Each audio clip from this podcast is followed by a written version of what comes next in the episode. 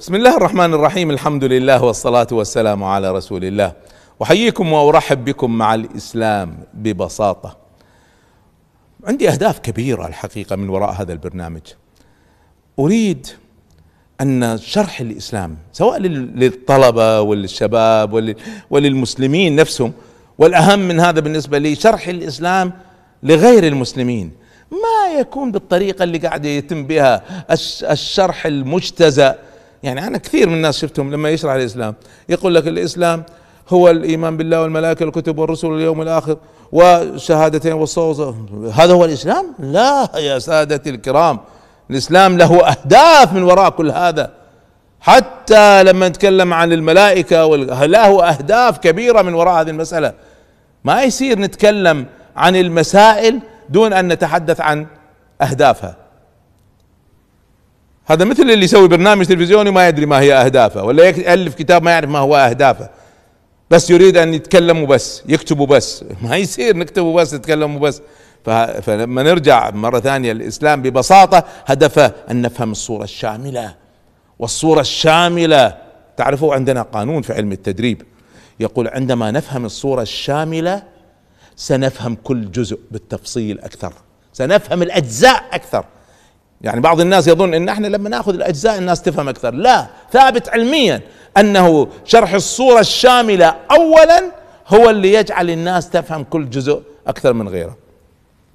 فذكرت لكم إن البرنامج سيدور حول ثلاث قضايا الإسلام والقرآن والرسول صلى الله عليه وآله وسلم.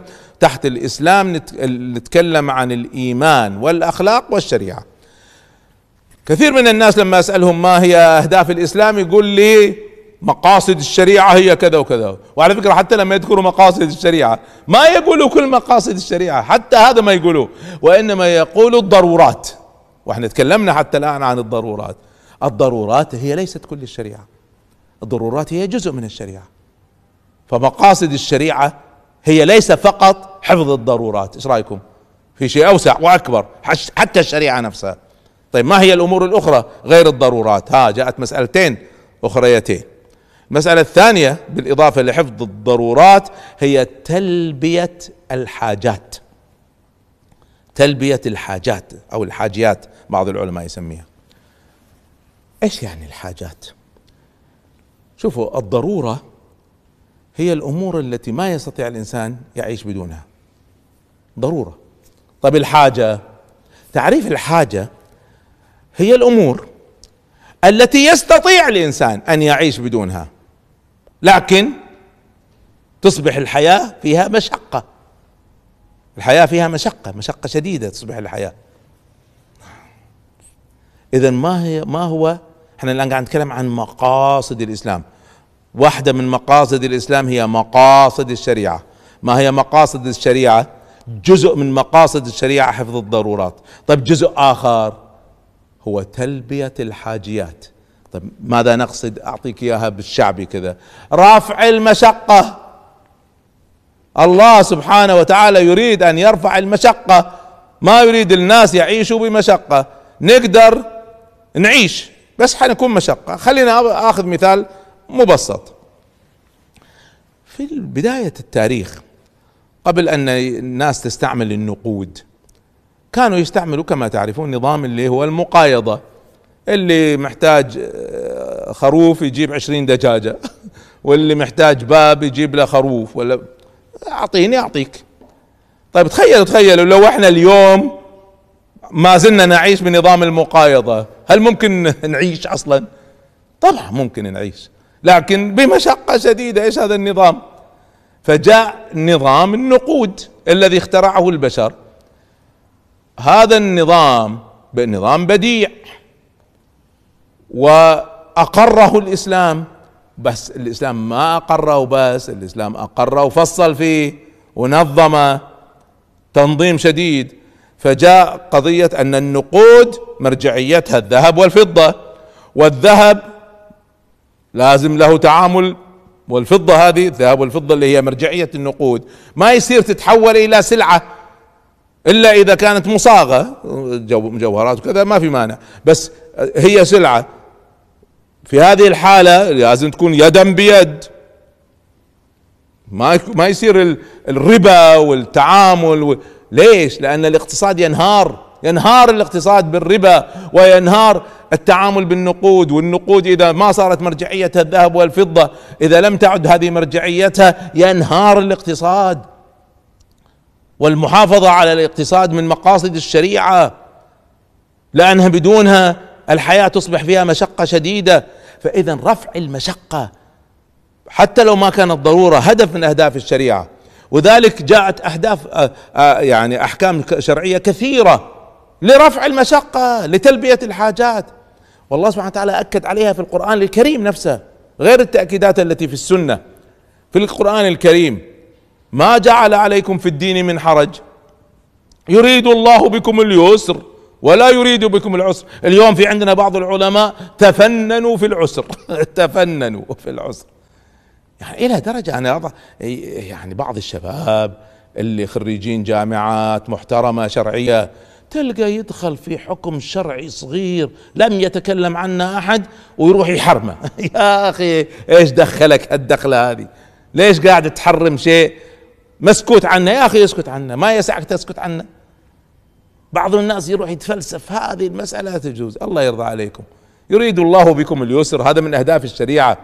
شوفوا لما قصرت الصلاة قصرت الصلاة بسبب السفر. السفر في ذلك الوقت كان في مشقة شديدة مشقة شديدة. اليوم السفر ما في مشقة. أنا أطلع من الكويت أروح إلى أي بلد أربع خمس ساعات. ما أحس إني عندي أي مشقة. هل يجوز لي أقصر؟ طبعا يجوز لي أقصر. ولا في خلاف أصلا. طيب ليش؟ مع انه ما في مشقة. آه. هو الأصل كان الأصل كان لرفع المشقة. وجاء بناء عليها حكم شرعي. جاء حكم شرعي. وهو رفع المشقة. رخصة من الله سبحانه وتعالى. ولذلك الصحابة سألوا النبي صلى الله عليه وسلم عن بعض الأحكام التي رخصت بسبب أمر معين مثل الحرب. رخصت بهذا السبب. ف فقالوا الآن ما في حرب. هل يستمر الحكم؟ قال نعم. الرسول صلى الله عليه وسلم قال نعم. قالوا يعني يسألوا لماذا يا رسول الله؟ قال أقبلوا رخصة الله. الله سهل عليكم. ليش أنتم تبي تعقدوها؟ أقبلوا رخصة الله. الله يريد بكم اليسر. الله ما يريد يعقدها عليكم. فهذا مبدأ مبدأ أصيل من مبادئ الشريعة. إلى درجة أن العلماء تكلموا عن قضايا. حديث موجود في صحيح مسلم. أن النبي صلى الله عليه وسلم جمع الصلاة سبعا وثمانيا. حديث في صحيح مسلم. سبعا وثمانية سبع أيام ثمان ليالي. بلا سفر ولا مطر ولا خوف. ما في لا سفر ولا مطر ولا خوف. قالوا يروي الحديث ابن عباس. قالوا يا ابن عباس انت شفت هذا؟ قال نعم. قالوا ماذا أراد؟ ليش فعل هذا؟ قال يريد أن يرفع المشقة عن أمته. يعني اليوم في بعض البلاد خاصة المدن الكبيرة اللي الواحد من من مكان لمكان ياخذ أحيانا ثلاث ساعات بسبب الازدحام الشديد. طيب هذا لو جمع الصلاة يجوز له هذا لأن الرسول صلى الله عليه وسلم جمع بس لها شروط لها شروط. نرفع المشقة بس ما نلعب. فمن شروطها أولا إن ما تصير عادة يسويها كل يوم. تجمع الصلاة أحيانا كل يوم كل يوم. في بعض الناس حولت الصلاة من خمسة إلى صاروا ثلاث صلوات في اليوم. هي خمسة كيف صارت ثلاثة؟ وشرط آخر إذا ما يجوز تصير عادة. وشرط آخر أيضا رفع المشقة ما نلعب فيه. نرفع المشقة حتى نرفع المشقة مو نرفع المشقة عشان نلعب. شرط آخر أن تجمع إجمع. لكن إجمع الظهر والعصر. وإجمع المغرب والعشاء. بس ما يصير تجمع العصر مع المغرب ما يصير. يعني إذا أنت طالع وتتوقع أن الطريق إجمع قبل ما تطلع. جمع تقديم وصلي الظهر والعصر. أو إذا توقف صلي الظهر والعصر. بس ما تأخر صلاة الظهر والعصر وتجمعها مع المغرب. هذا لعب دخلنا في اللعب في المشقة. فإذا نرجع. الله سبحانه وتعالى يريد أن يرفع عنا المشقة. هذا هدف من أهداف الشريعة الكبيرة. رفع المشقة تلبية الحاجات. الجزء الأخير من أهداف الشريعة هي التحسينات. التحسينات. الحسن الجميل. إن الله جميل يحب الجمال. فمن أهداف الشريعة الجمال. هذا هدف تركه المسلمون. الجمال. والجمال هذا يتشكل في جمال فرد وجمال مجتمع. وجمال الفرد هذا يتشكل بالمحافظة على قواعد النظافة اللي يسمى تسمى في أحكام الفقه سنن الفطرة. تقليم الأظافر وإزالة الشعر بأماكن معينة والاغتسال سنن. الله سبحانه يحب هذا. هذا الجمال الفردي وجمال الرائحة وجمال الملابس كلها من أهداف الشريعة. والجمال في الطبيعة والجمال في الفن هذا اليوم في هدف اسم الجمال هدف ترك كل الهدف ترك. كيف؟ كيف يترك هذا الهدف؟ وصار قضية ثانوية لا هذا من أهداف الشريعة. الجمال هذا الجمال الفردي. وفي جمال جماعي جمال جماعي وهو إظهار المسلمين بمظهر القوة وليس مظهر الضعف.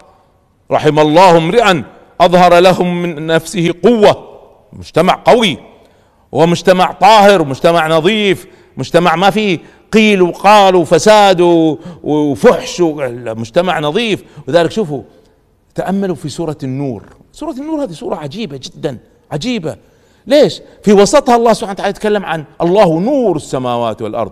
طب السورة كلها كل السورة ماذا تهدف إليه؟ تهدف إلى نشر النور النور الفردي في طهارة القلب وطهارة الأخلاق والنور الجماعي في أحكام الاستئذان وأحكام الإفك والقذف المؤمنات هو تاملوا السورة. كلها تريد نور روحاني ونور اجتماعي نور جماعي.